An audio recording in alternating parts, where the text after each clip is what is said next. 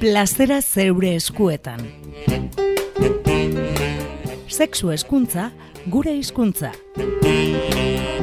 Sarlingo, Euskal Herriko sexu eziketa eskolaren eskutik.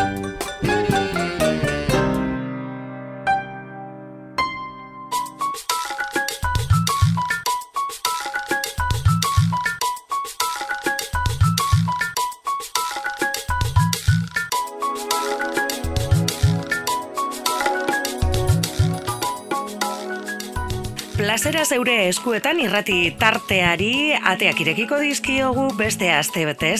Dakizuen bezala Bilbo iria irratiak sarlingorekin batera egiten duen saioa duzu hau, hau sexologia ardaz duena eta inbat gai astero-astero ekarriko dituena.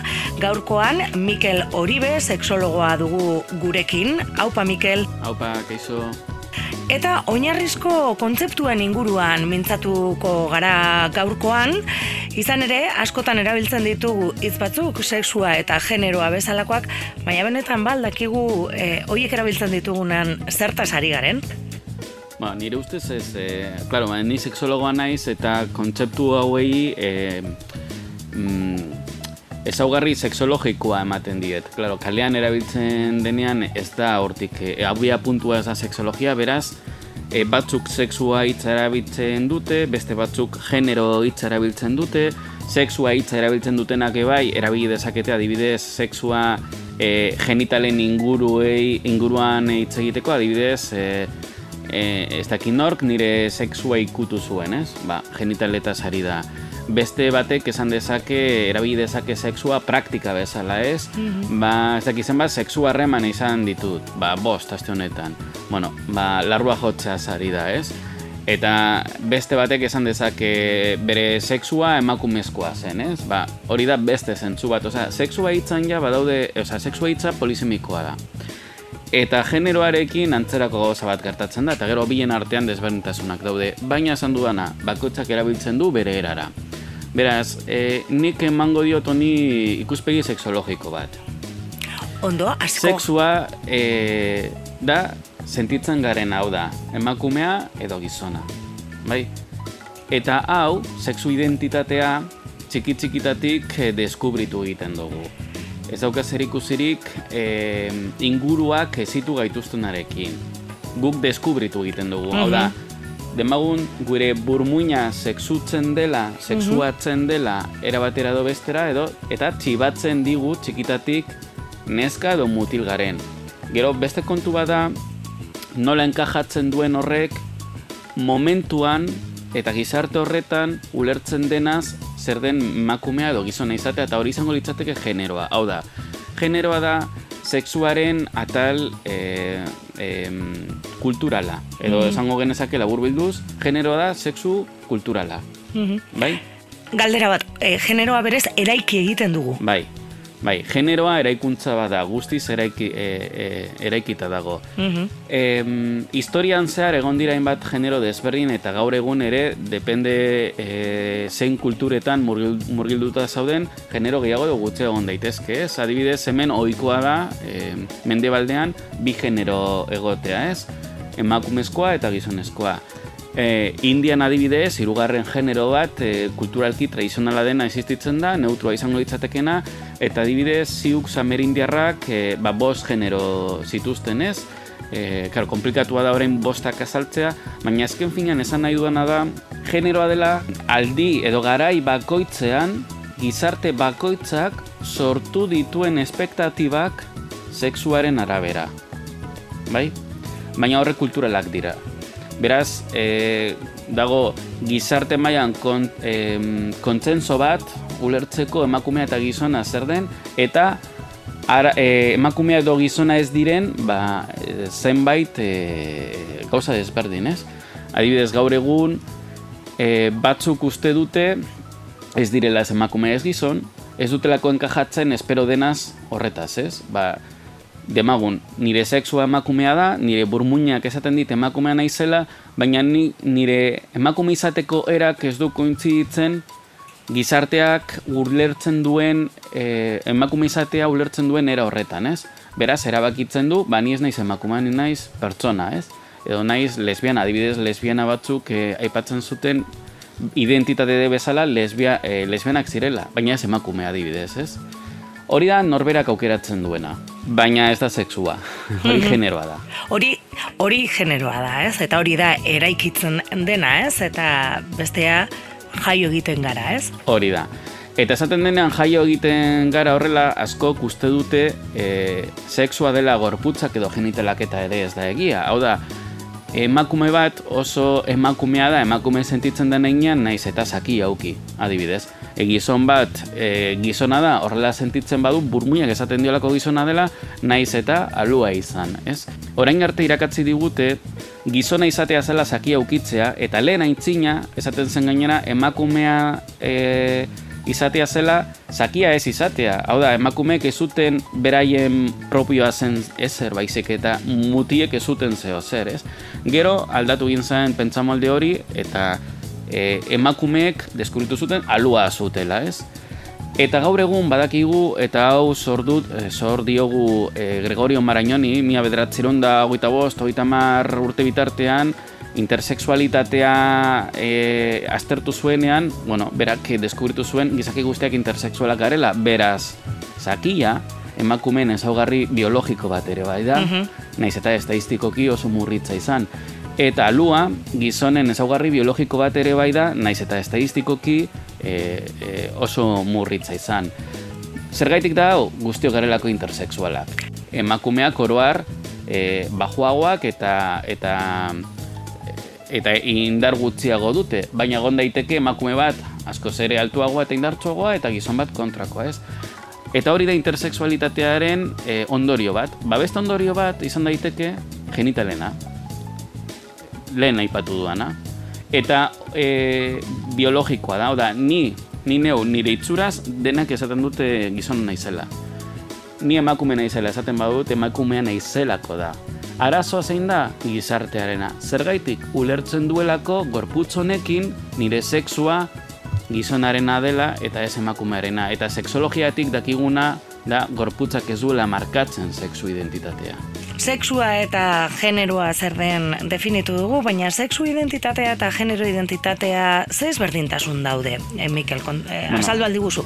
Bai, oinarrian e, sexu identitatea burmuinak esaten diguna da, txiki txikitatik deskubritzen duguna da, aldiz genero identitatea da e, guk onar e, aukeratzen duguna, ez? E, eta hori da beranduago egiten den zeo zer. Genero identitatea John Moneyk e, aurkeztu zigun. John Money psikologo bat, estatu batuar, e, psikologo bat izan zen, estatu batuarra, eta esperimentu bat egin zuen komentatuko duana. Mila bederatzireun da iruroita bost, iruroita mar urte bitartean, famili judatar batek e, biki batzuk izan zituen, bi mutil, edo itzuraz bi mutiak e, zirenak, eta garai hartan bisturi elektrikoekin zeuden, eta zirkunzizioa egiterakoan e, e, zendagile batek e, moztu egin zion zakila e, ia osotasunean e, umeari, ez? E, eta, claro, bueno, e, John Money honetaz enteratu zen, mm -hmm. eta joan zen familia hauen gana hitz egitera, eta bere teoria eskaini zien. Zein zen bere teoria? Ba, denok e, amaitzen dugula emakume edo gizon izaten edo sentitzen, dependeta nola ezituak izan garen. Bai? Beraz, John Monek proposatu ziena izan zen, e, operatu guztiz, kendu e, zakia guztiz, barrabiak eta bar, egin alua, eta berari irakatzi neska bat izango bazen bezala, ez? Eta ez e, ez esan inori ezer, ez familiei, ez lagunei, ez ezer, ez? Beraz, e, familia juduta arrau, e, e, ez izituen e, gizon eta neskatia bat, ez? Hori da. Txiki txikitatik e, bikitariko bat neska bezala tratatu izan zen, guztiok horrela tratatu zuten, baina hala ere ez zuen enkajatzen, eh? zituen jarrera guztiak, pentsakerak eta bar, ziren o, e, orokorrean mutiak e, zituztenak, ez? Eta, e, bueno, egoera larria zela eta e, bere jarrera ez zelako egokitzen, ezelako onera joaten, bazkenean erabaki zuten egia esatea, ez? Eta, bueno, e, e, ezen ezer konpondu, txarto jarraitu zuen, e, bera hasi zen berriro maskulinizatzen edo gizon bezala bizitzen, baina e, azkenean e, eldu, eldutasunara heldu zenean be buruaz beste egin zuen, bere bikiak eskizofreniare garatu zuen, e, bueno, familiaren egoera dela eta e, ziurenik e, garatu zuen eskizofrenia hori, eta azkenean hemendik e, labur bilduz, klaro, hemendik e, e, ulertzen duguna da e, nola ezin den ezitu neska edo mutil bezala hori ez baduzu sentitzen. Hau da, zure burmuinak esaten badizu mutia zarela, naiz eta inguruko guztiek neska bezala tratatu mutil jarraitzen izango duzu, ez? e, transexualei gertatzen zaien azken finean, ez? Umetziki batek esaten du neska dela eta berdin da ingurukoek esaten duten. Intersexuala, e, bueno, aipatu duzu gutxi gora bera zer den, baina bai gustatuko litzaile dake, hobeto asaltzea, ze askotan ere gaur egun asko erabiltzen den terminoa da, eta, bueno, ba, ezagit, bide gurutxe bat den intersexual la kontzeptua. Bare, gaur egun erabiltzen da intersexualitatea e, genitaletan ambiguadea duten pertsone, pertsonein inguruan hitz egiteko. Bai, eta egia esan e, genital ambiguak izatea intersexualitatearen ondorio bat da. Baina lehen aipatu duana altuagoa edo indartsuago izatea edo ilegiago edo gutxago izatea ere bai. Hau da, mhm. teorikoki e, bi polo daude emakume eta gizon. Bai, eta jendeak uste du emakume emakumeak orokorrean antzerakoak direla eta ezaugarri konkretu batzukin eta gizonak horren beste, beste alde baten. Baina egia zan horri dira kontzeptu teorikoak. Errealitatean guztio gaude hor tartean pilo bat milaka eta milaka eta milaka ezaugarritan. Mm Eta guzti hori da intersexualitatearen eragina. Lo que pasa que bihurtu dugu oit, em, arau sozial estadistikoki gehien errepikatzen dena. Eta hori da arazoa. Hori aurre egiteko e, batzuk jorratu zuten, asmatu zuten e, genero hitza, ez? Ba, esatea, nik ez zuten kajatzen espero den honetan, eta nik naiz nik erabakitzen dudana. Eta hori da desberdina. Emakume edo gizon izatea, sentitzen duzunazuk ez da erabakitzen, baina zuk bai erabaki dezakezu nola jardun errealitatea honetan, kultura honetan, e, posizionamendu batekin edo beste batekin, hau da. Sexua izango litzateke gauza biologiko bat, baina zokana zerikurzirik gorputzarekin, baizek eta urguinarekin, eta generoa izango litzateke posizionamendu politiko-filosofiko bat. Bai?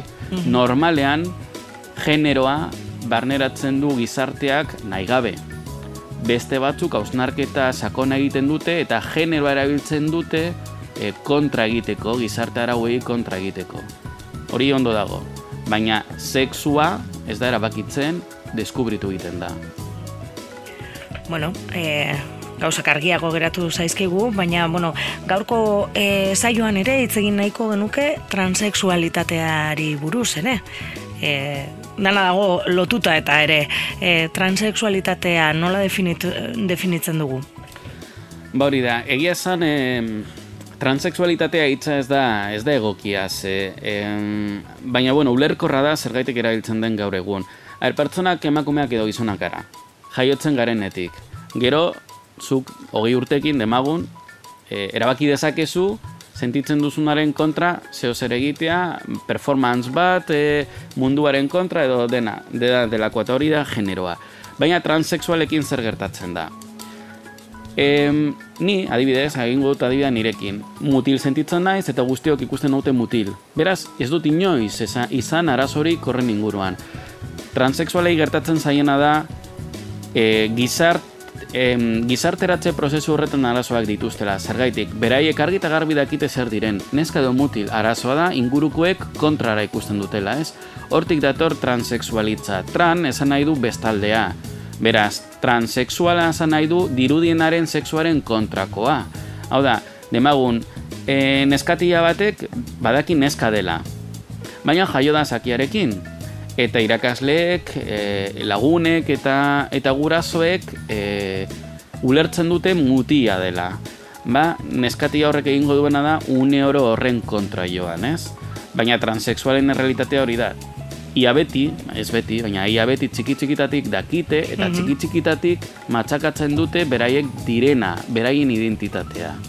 Mikel, baina esan duzu hitza ez dela egokia. Segia zan, izan barko litzatezke, emakumeak eta gizonak, punto pelota.